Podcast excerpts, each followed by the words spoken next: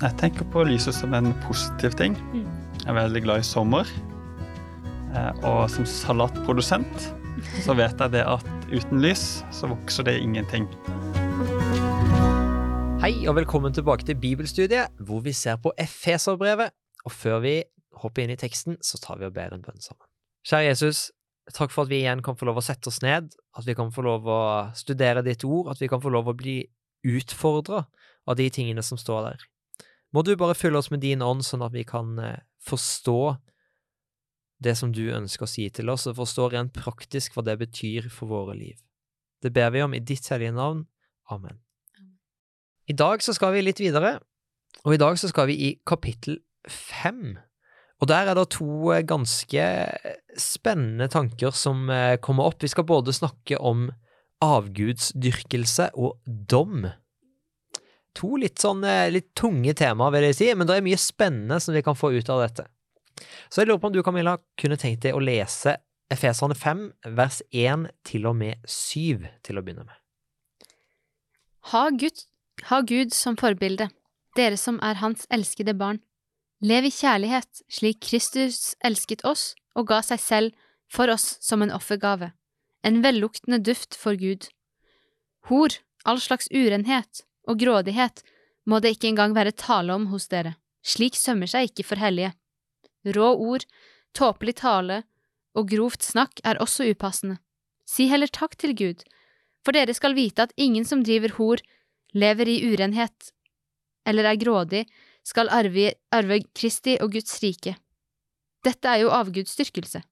La ingen narre dere med tomme ord, for slikt gjør at Guds frede rammer de ulydige. Gjør ikke felles sak med dem. Nå syns jeg Paulus har endra litt tone sammenligna med mange av de tekstene som vi har lest før. Jeg syns han begynner å bli Han blir litt strengere her, Mm. egentlig. Og eh, jeg kan jo nevne én ting som jeg synes her er, er litt, litt utfordrende spesielt, og det er når han trekker fram dette her med tåpelig tale. For hvis det er én ting jeg kan finne på å gjøre mye, så er det å vitse og ha mye tåpelig tale. Jeg skjønner det er noen ting her som dere kan kjenne dere igjen i. Ja, vi skal slippe Ja. å bekjenne alt, men uh, vi, vi kan holde det der, kanskje. Vi kan holde det der. Men uh, jeg tenker jo kanskje litt spesielt på at oppsummeringen som han gir etter alt dette her med Både når han snakker om hor, tåpelig tale, uh, ting som ikke sømmer seg, og alle disse tingene, så sier han dette er jo avgudsdyrkelse. Og det synes jeg er et spennende hopp. For hvordan er tåpelig tale avgudsdyrkelse? Hvordan er alle disse tingene en avgud? Spørsmålstegn.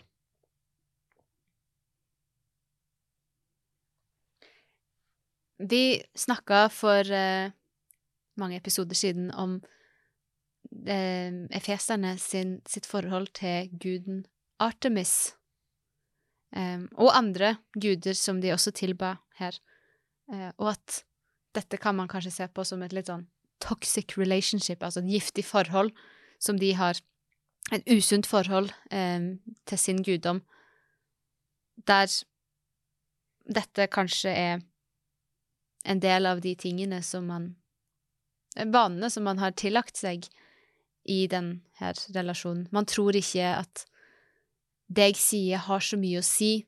Det gjør ikke så stort inntrykk. Det går fint.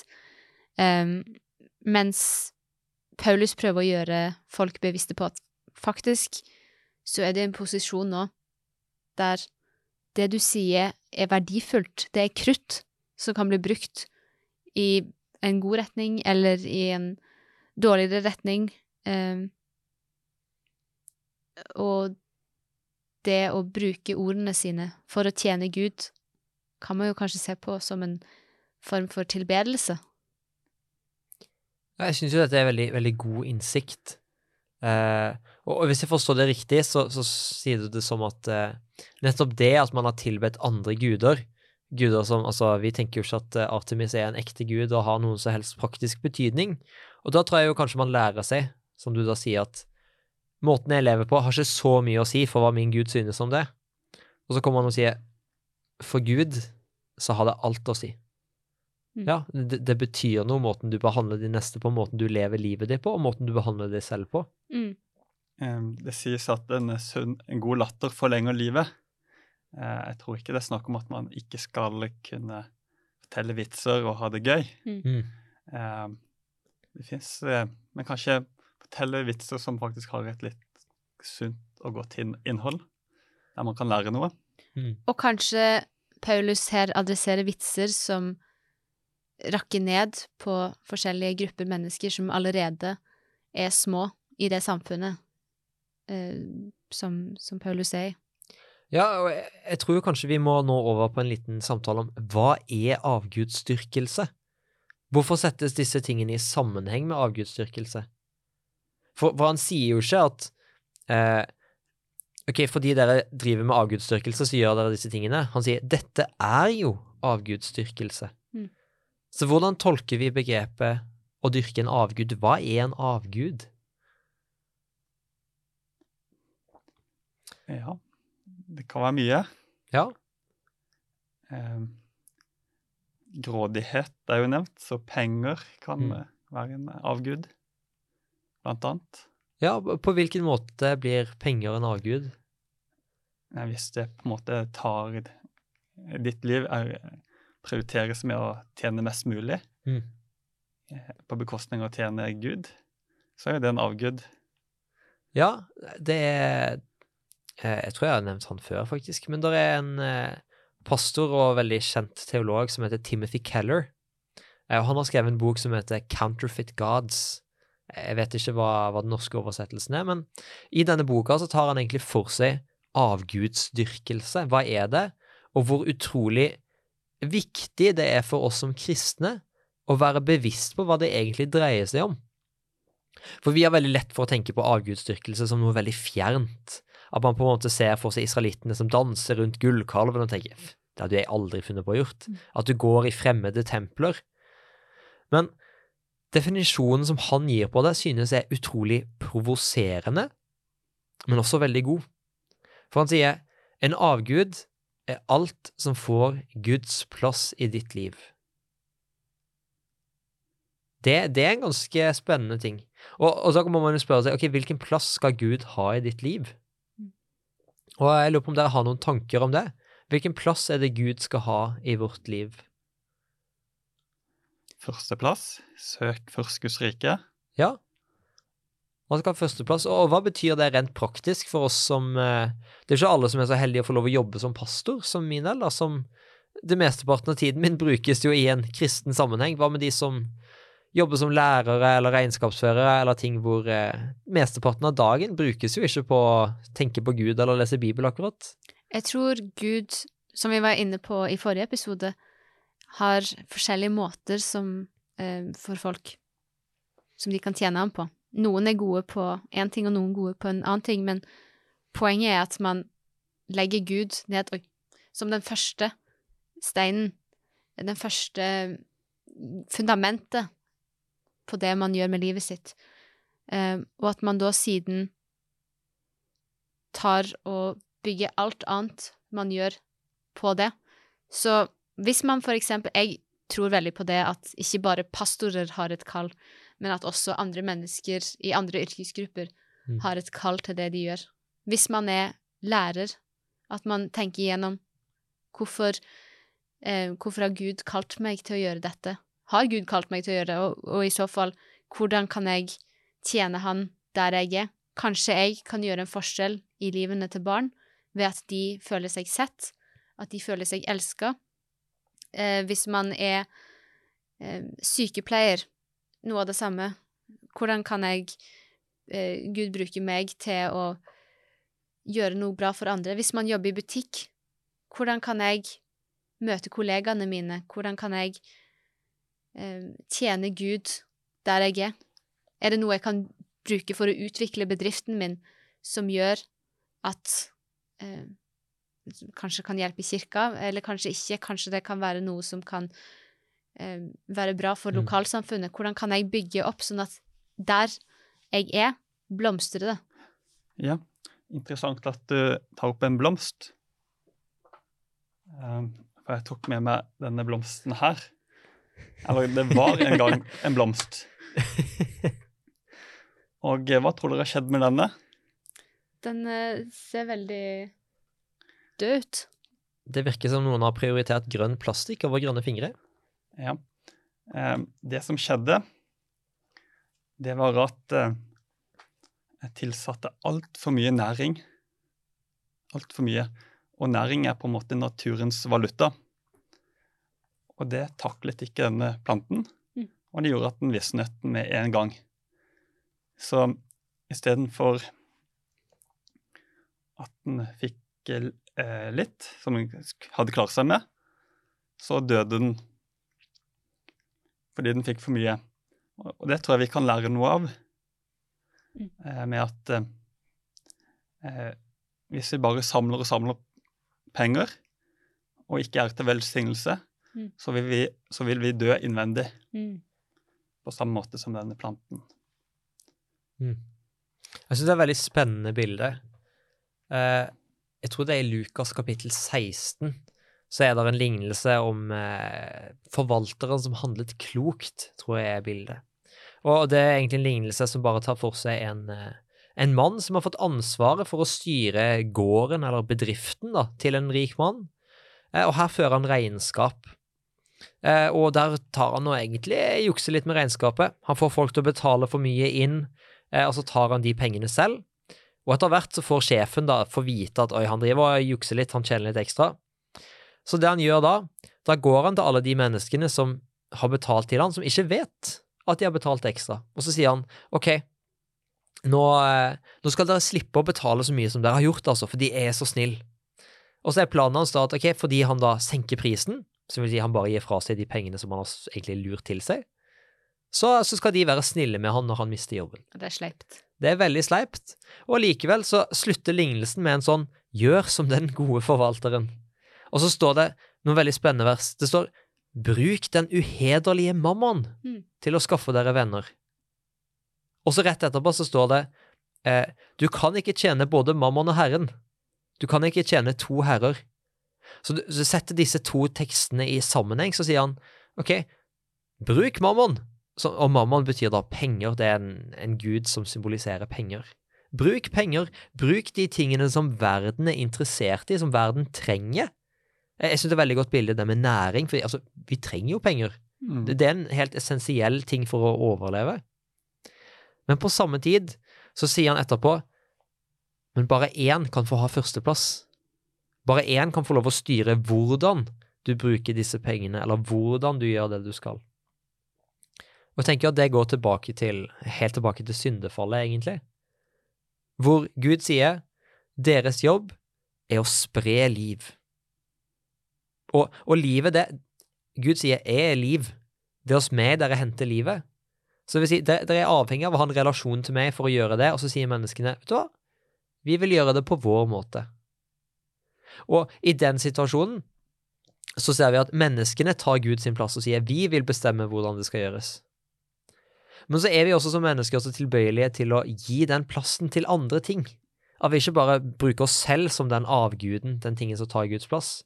Vi gir det gjerne til penger, vi gir det til ja, andre ting som får førsteplass. Det står at det er en velluktende luft for Gud. Ja, hva, hva tenker du om det?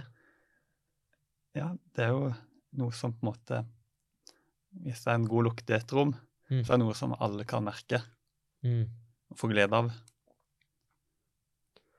Ja, jeg synes det er et veldig spennende bilde, da, at når du da går og gjør hva enn du gjør, Mm. og lar Gud lede deg, så er det en godduft, da. Noe som sprer seg som folk Oi, her er det noe litt merkelig. Og selvfølgelig, jeg tror ikke det alltid skjer, men jeg tror definitivt det skjer. Hvor man bare møter på noen mennesker som bare virkelig er- er leda av Gud, Mm. og sprer noe spesielt rundt seg, da. Og så syns jeg òg eh, det Paulus sier rett etter, eller eh, rett før velluktende duft, så, så skriver han slik Kristus elsket oss og ga seg selv for oss som en offergave, en velluktende duft for Gud. Så poenget her er ikke nødvendigvis at vi skal se så bra ut, og at bedriften vår skal gjøre det så godt, og at vi skal være kledd perfekt, og husene våre ser strigla ut. Det er ikke det som betyr noe. Men det å faktisk være en av de personene i samfunnet som tør å stikke hånda ned i gjørma og fikse den vannledningen, eller gå inn i den situasjonen som ser vanskelig ut, og som eh, potensielt kan påvirke ditt gode navn og rykte for å gjøre det som er riktig. Ja, den velduften settes jo i sammenheng med litt sånn selvoppofrelse, da. Å sette de andre først. Mm. Ja. Jeg tenker vi kan eh, gå videre og se på siste del av eh, teksten, i vers 8 til og med 20. Og jeg vet ikke om du, Camilla, har lyst til å lese igjen? Ja. En gang var dere selv mørke, men nå, i Herren, er dere lys. Lev da som lysets barn. Eh, lysets frukt er all godhet, rettferd og sannhet. Prøv hva som er til glede for Herren. Ta ikke del i mørkets gjerninger, for de bærer ingen frukt. Avslør dem heller. Det som slike folk driver med i det skjulte, er det en skam bare å nevne. Men alt kommer for dagen når de blir avslørt av lyset. Og alt som kommer for dagen, er lys. Derfor heter det, Våkn opp, du som sover, stå opp fra de døde, og Kristus skal lyse for deg. Pass derfor nøye på hvordan dere lever, ikke som ukloke mennesker, men som kloke, så dere bruker den dyrebare tiden godt, for dagene er onde. Vær ikke uforstandige, men forstå hva som er Herrens vilje. Drikk dere ikke fulle på vin, det fører til utskeielser, bli heller fylt av Ånden, og syng sammen, la salmer, hymner og åndelige sanger lyde. Syng og spill av hjertet for Herren. Takk alltid vår Gud og Far for alt i vår Herre Jesu Kristi navn. Nå syns jeg vi igjen er kanskje til en enda mer utfordrende tekst enn den vi nettopp så på. Mm. Nettopp på grunn av, altså eh, I vers 12 og 13 så står det Det som slike folk driver med i det skjulte, er en skam bare å nevne, men alt kommer for dagen når det blir avslørt av lyset. Det Jeg har vært borti selv og blitt litt utsatt for sånn retorikk som sier Gud ser hva enn du gjør. Og det er en Til å begynne med så kan det virke som en veldig skummel tanke. Mm. Jeg vet ikke, Hvordan forholder dere dere til dette verset her og den tanken her? Jeg tror ikke Paulus skriver dette for å skremme. Han forteller ikke og nå, nå er dere i, i mørket, og deres handlinger skal bli avslørt. Eh, Han sier på en måte det, han sier ikke, ikke, ikke vær en del av det som foregår, det, de som tar snarveier, de som prøver å lure og kare til seg, eh, men vær åpne og ærlige, ikke lev et liv som du behøver å skjule. Em, og samtidig så er det godt for de som sitter og handler på en rettferdig måte, og skjønne det at OK, den korrupsjonen kanskje som jeg opplevde her, eller de som tok snarveier, eh, som driver og stjeler fra folk, eh, som driver og gjør ting som er rett og slett dodgy, som ikke er bra, det er ikke sånn som kommer til å foregå eh, i all evighet. Dette er ting som kommer til å bli tatt et oppgjør med. Um, jeg har en venn som, som er litt opptatt av det her, at ofte så fokuserer vi på eh, den siden av Gud som er tilgivende. Eh, og det føles godt for de som har gjort noe galt. Og vi har alle gjort gale ting. Eh, men også huske på det at for de som har opplevd at noen har gjort noe som er rett og slett er urettferdig, stygt, overtrampende, eh, så er det ikke sånn at Gud ikke ser det overgrepet eller overtrampet som har blitt gjort mot en, men han tar et oppgjør med det. Ja, og det virker jo som stikkord her kanskje er ikke overvåkning, men rettferdighet, hvis Mm. man kan si det sånn. Ja. Eh, jeg tenker på lyset som en positiv ting. Mm. Jeg er veldig glad i sommer. Eh, og som salatprodusent så vet jeg det at uten lys så vokser det ingenting. Mm. Eh, og på en måte Gud er vårt, vårt lys.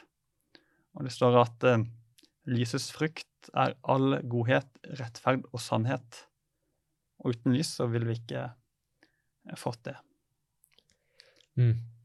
Ja, det er en veldig god ting, og eh, når jeg hører denne historien, eller liksom det som Paulus sier her, så går hodet mitt en, tilbake til når Paulus fysisk var i Efesos. For i Apostlenes gjerninger 19 må det vel være, og vers eh, 11 og utover, så eh, i første episode så diskuterte vi en historie om eh, noen disipler av Skevas, står det. Og disse disiplene de, de så at det var mye makt i Jesu navn, de så at Paulus, hans navn, det ble stort, og at han var en veldig populær mann, og så tenkte de dette vil vi også være en del av. Så uten å snakke med noen, uten å ha noe som helst forhold til Jesus, så bestemmer de seg for å gå ut der og prøve å drive ut onde ånder i Jesu navn, og så lykkes de ikke i det hele tatt. Og en av de tingene som Paulus sier her, da, han sier en gang var dere selv i mørket. En gang så var dere uten Jesus, en gang så hadde dere ikke opplevd lyset. Og så tror jeg egentlig han sier ikke gå tilbake dit og gjør det sånn halvhjerta og prøve å fake det, for det er det ingen som tjener på. Og også med tanke på det som du sier da, Camilla, med tanke på eh, litt sånn rettferdighet, så tenker jeg også at vi har Dette setter vi gjerne i en litt sånn domssammenheng, et litt sånn skummelt ord. Og, og samtidig, hvis vi leser i eh, Salme 98, for eksempel, så står det om at Gud han kommer for å holde dom, og så står det at elvene bruser og skaperverket jubler, for Gud skal komme og dømme med rettferd.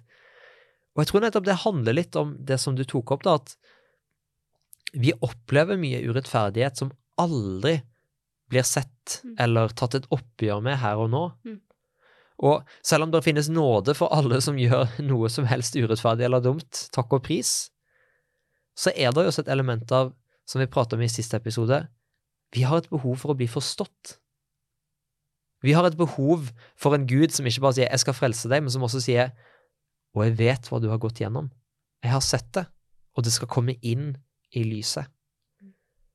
Og nettopp derfor så ser jeg ikke dette her som en, en trussel, som de gjerne har blitt brukt som noen ganger. Det er jo egentlig Gud som sier 'jeg skjønner', 'jeg ser', og du som er der litt sånn på vippen og veksler litt halte til begge sider, som man gjerne sier, kom inn i lyset. Har du Det- noen gang gått på fjelltur mens det har vært mørkt? Det har jeg gjort én gang, Det er godt mulig. uten lykt for øvrig. Ja. Hvordan gikk det? Det var en ganske skummel opplevelse, må jeg si. Lyder er litt skumlere i mørket på fjellet, og det å se hvor man trør, er ikke det letteste. Så ja, det er veldig lett å falle når det er mørkt. Men Gud vil lyse stien opp. Jeg tenker jo en litt sånn siste tanke, da, som eh, kommer frem i slutten av det som du leste så fint, Camilla, er eh, Jeg synes eh, for hvert 17 og utover Vær ikke uforstandige, men forstå hva som er Herrens vilje. Eh, drikk dere ikke fulle på vin, det fører til utskeielser. Bli heller fylt av Ånden, og syng sammen. La salmer og hymner og åndelige sanger lyde. Syng og spill av hjertet for Herren. Takk alltid vår Gud og Far for alt i vår, Jes vår Herre Jesu Kristi navn. Det er sånn akkurat som at Paulus sier, ok, dette her er det du nok kanskje tror at du har lyst til å gjøre, men så kommer han med alternativet, nå skal vi ta heller og synge og spille sammen. Og jeg ser et lite sånn stikk til, hva er det du fyller deg selv med? Begynner jeg å tenke litt på. Jeg vet ikke om dere har noen tanker rundt det? Jeg tenker òg en vinkling her man kan, man kan ta på den teksten, er istedenfor å Paulus sier ikke 'nå skal dere være triste', og skal dere gå og sitte fint på stolen, og så blir dere der til i morgen. Han sier 'nei, gå og syng sammen', og denne her kulturen som Paulus skriver i, så er det å synge sammen, det er ikke sånn eh, Det er ikke den, det som vi tenker på, nå skal vi synge en sang, og så står vi stivt, og så setter vi oss ned, og så passer vi på at vi sitter på den samme centimeteren som vi satt på før vi reiste oss for å synge. det, er ikke, det er ikke det Paulus eh, skriver om i det hele tatt. Dette er sang som involverer hele kroppen, og folk er mer med. Eh, der Paulus Det er nesten eh, et åndelig party. Og, og det synes jeg er et veldig, ja, og det er veldig fint bilde hvis du tar det sammen med det som Daniel snakker om med mørket. Mm. For en av de tingene som jeg selv husker den gangen man var på fjellet uten lykt, er nettopp det hvor, hvor små skritt du tar. Mm. Hvor mye du føler deg fram, og hvor mye det er sånn OK, kan jeg trø her? Kan jeg trø her? Men med en gang du er i lyset, og det er full fest, så er det den her friheten til å bevege seg og virkelig bare nyte og vite at dette her er godt. Ja. David han synger at eh, ditt ord, altså Bibelen, Mm. er en lykt for, for min fot. Mm. Og en lys på min sti. Det, det er et utrolig fint vers, Mm. nettopp det der. Og eh, ja, jeg, jeg tror litt av utfordringen til Paulus er nettopp det Lev et liv du er stolt av. Lev et liv som er til velsignelse for andre, og se hvor utrolig deilig og fritt det kan føles. Og eh, ja, det her bildet med glede og dans, det, det syns jeg er et utrolig fint et. Mm. Så avslutter han med Takk alltid vår Gud og Far for alt i vår Herre Jesu Kristi navn. Nettopp at lyset og friheten, det finner vi i Jesus Kristus. Og jeg tror det er et sted hvor vi kan avslutte. Skal vi be sammen? Kjære far, vi ønsker å takke deg for at du er en så god Gud. At vi ikke har noe behov for å ha andre guder eller ting som tar din plass, for når du får lov å sitte på tronen i våre hjerter, så er livet godt å leve.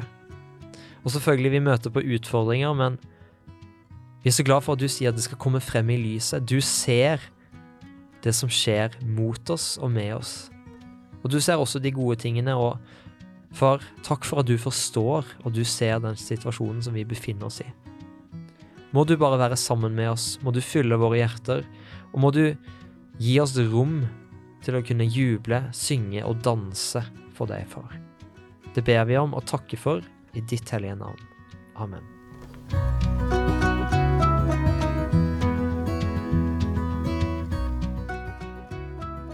Du har nå hørt podkasten Bibelstudier fra Syvendedagsadventistkirken, produsert av Hope Channel Norge. Husk å følge podkasten, og inntil videre Guds velsignelse.